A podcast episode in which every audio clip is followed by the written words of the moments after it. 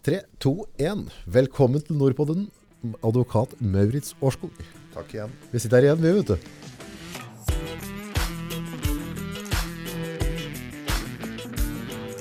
Sist så hadde vi jo, pratet om Nav, ja. Uh, og det, det var jo litt interessant. Det var mange sider av den jeg ikke var klar over. Mm. Uh, jeg har fått uh, en som sendte et spørsmål. Lang historie kort, som det heter, men, men han vært i et samboerskap, Mm. eh, og de har hatt et hus sammen og et firma sammen. ja. Eh, huset ble solgt, men det var vel noe kausjon inn i firmaet der. Okay.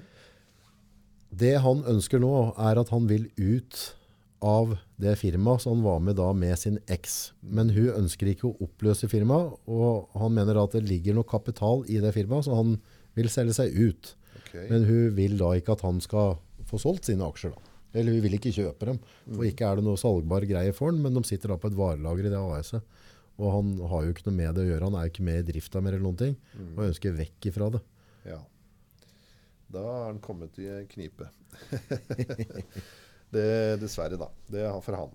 Um, hvis det da ikke er noen regulering i noen aksjonæravtale, det er ikke tegna noen avtale mellom aksjonærene i utgangspunktet, så er det jo ikke sånn at han kan pålegge den andre aksjonæren å kjøpe aksjene hans. Eh, og hvis det da heller ikke er noen andre interessenter til aksjene, Mhm. da får du ikke solgt det. Nei. I hvert fall ikke før du finner noen interessenter. Eh, og da, da sitter du der, da. Da eier du noe du ikke får solgt, eh, og kommer deg egentlig ikke videre. Eh, så måten det burde kanskje vært håndtert på, det er jo den gangen dette firmaet ble starta. Mm Eh, så kunne partene, ha, eller aksjonærene, laget en aksjonæravtale mm hvor det står at ja, man har det som ofte kalles en såkalt putt-opsjon. Altså at hvis uh, ja, Putt-opsjon blir veldig, er litt fremmedlig begrep, men Ja. er nå det Hva blir det på norsk? Hva på betyr det på norsk, norsk? eh, Jeg vet nesten ikke, for, Nei. dette går i Men hva, hva fungerer det som, på en måte? det, det fungerer sånn at hvis det kan ha en aksjonæravtale, bestemmelser om at hvis den eller den eller den eller den hendelsen inntreffer, Sånn, ja. så skal aksjonær, f.eks. jeg, ja. kunne si til deg, som er den andre aksjonæren her, at nå er den inn, det inntruffet. Da har du plikt til å kjøpe mine aksjer. Dvs. Si at jeg kan tre ut av firmaet. Du blir eneaksjonær. Mm.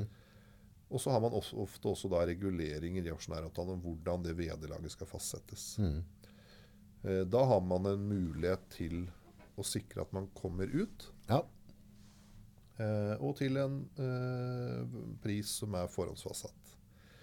Så det man ser ofte i sånne situasjoner, da, det er Jeg har sett det i ganske store forhold.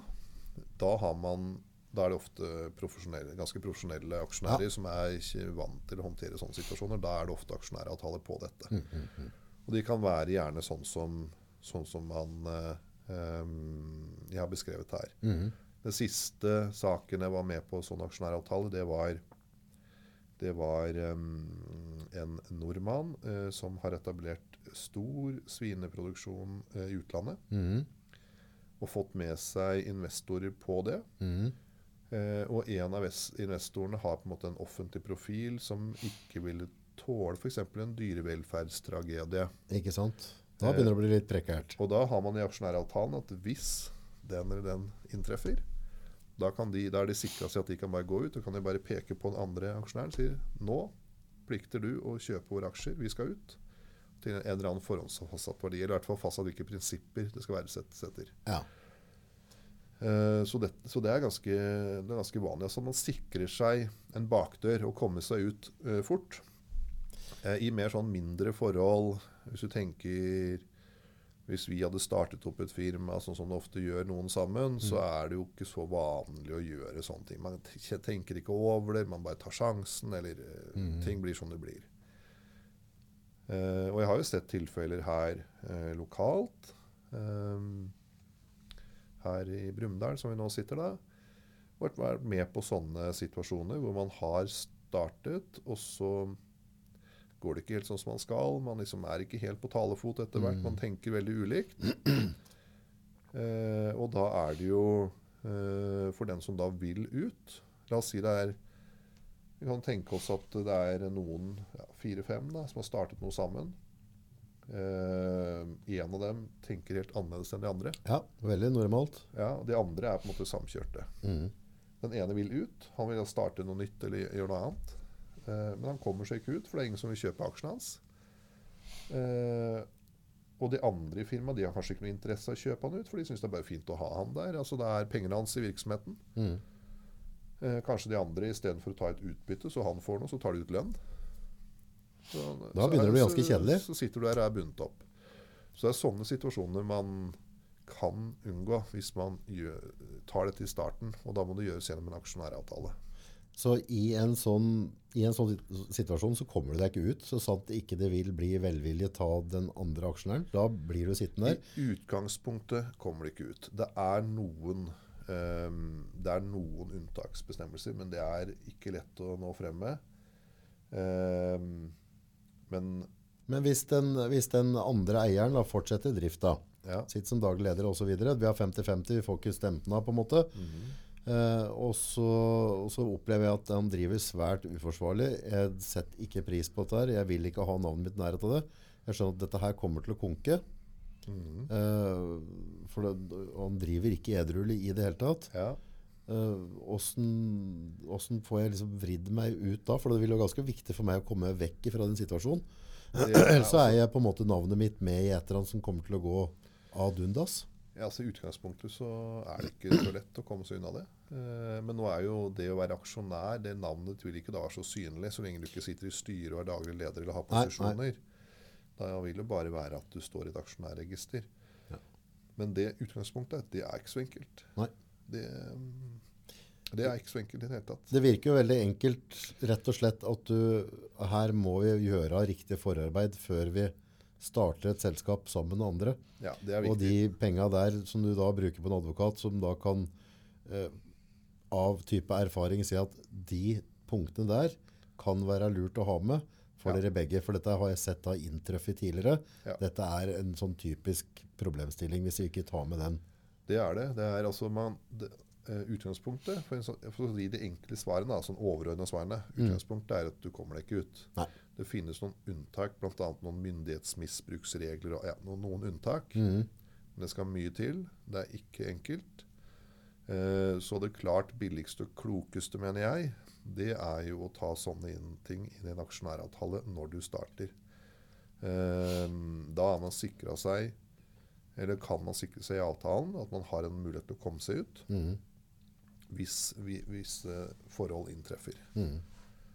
Samtidig så er det jo en risiko når man inngår sånne sånn avtale, for da kan du plutselig ha en plikt til å kjøpe noen andres aksjer. Ja, klart det. Men dette blir jo en avveining. Um, men det, er, det, det absolutt klokeste mener jeg er å gjøre dette når man starter opp i en aksjonæravtale. Hvis ikke så er man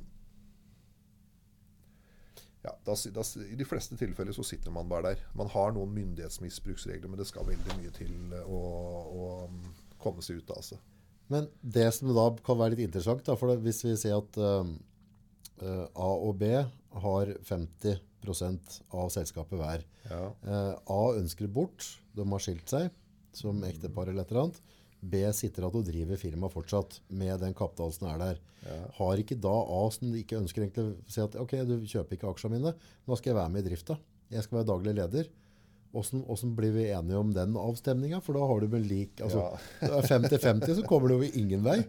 Men kan, Ja, kan A gjøre et eller annet for å forsurne tilværelsen for B som gjør at de ønsker å kjøpe ut A, da? Ja, du, det kan det nok. Men eh, det å ha 50-50, det vil nok eh, være litt sånn klønete for på generalforsamling da. Så Får du ikke gjort et skit? Får du ikke gjort så mye. Så I et tilfelle her så tror jeg det, det Det- sto i meldinga at det var 50-50.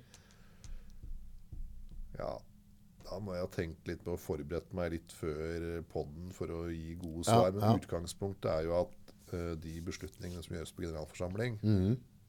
De er med flertall. Mm. Eh, og noen ganger med kvalifisert flertall. Hvis du skal endre vedtekter og sånn, skal det være en, ja. mm.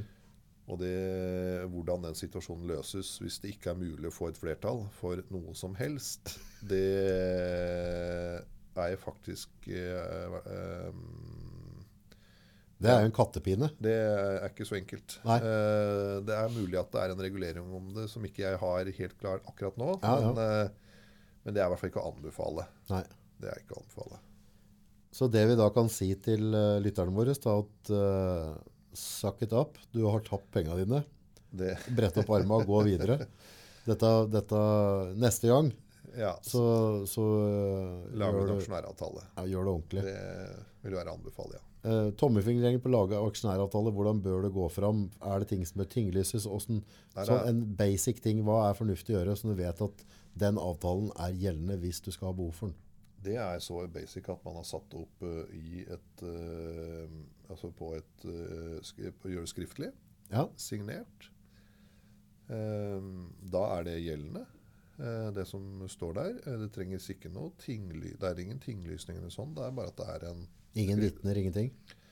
Det er ikke nødvendig å ha det, i hvert fall. Nei. Eh, det er klart Man kan jo gjøre det for å lage litt mer høytidelige rammer rundt det. Mhm.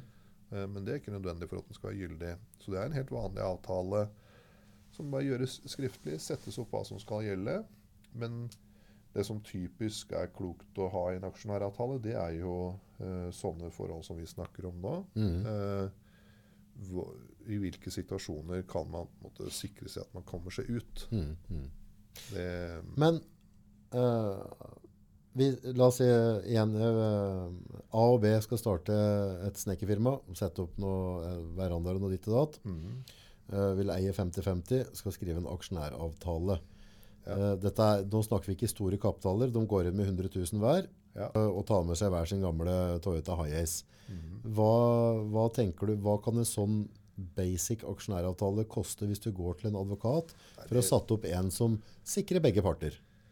Nei, det bør ikke koste veldig mye. Det kommer an på altså Hvis vi tenker oss sånn at de vet utgangspunktet Hvis vi gjør det arbeidet enkelt for advokaten da. De kommer inn, de sier de og de, de situasjonene kan vi frykte, sånn at vi vet litt hva det gjelder. Mm. Jeg tviler på at det vil koste noe mer enn ca. 10 000 kroner. Ja. Eh, Men hvis det vil være mer sånn jobbing opp mot partene, at man må ha flere møter for liksom å gå igjennom, og de må tenke seg om, og så må en ny gjennomgang, ja, ja, det, ja. så vil det bli mer. Men en advokat, da, eller f.eks. deg i det tilfellet her nå, har nok erfaring til å si at de og de punktene anbefaler at dere tar med på den kontrakten. Ja.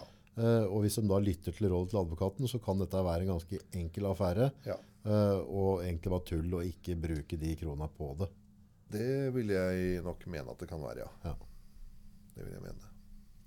Nei, men da, da har vi en klar oppfordring til uh, han som setter spørsmål. Altså, ikke gjør det en gang til. Nei, det, det bør være første og siste gang. Tusen hjertelig. Takk. Takk ja.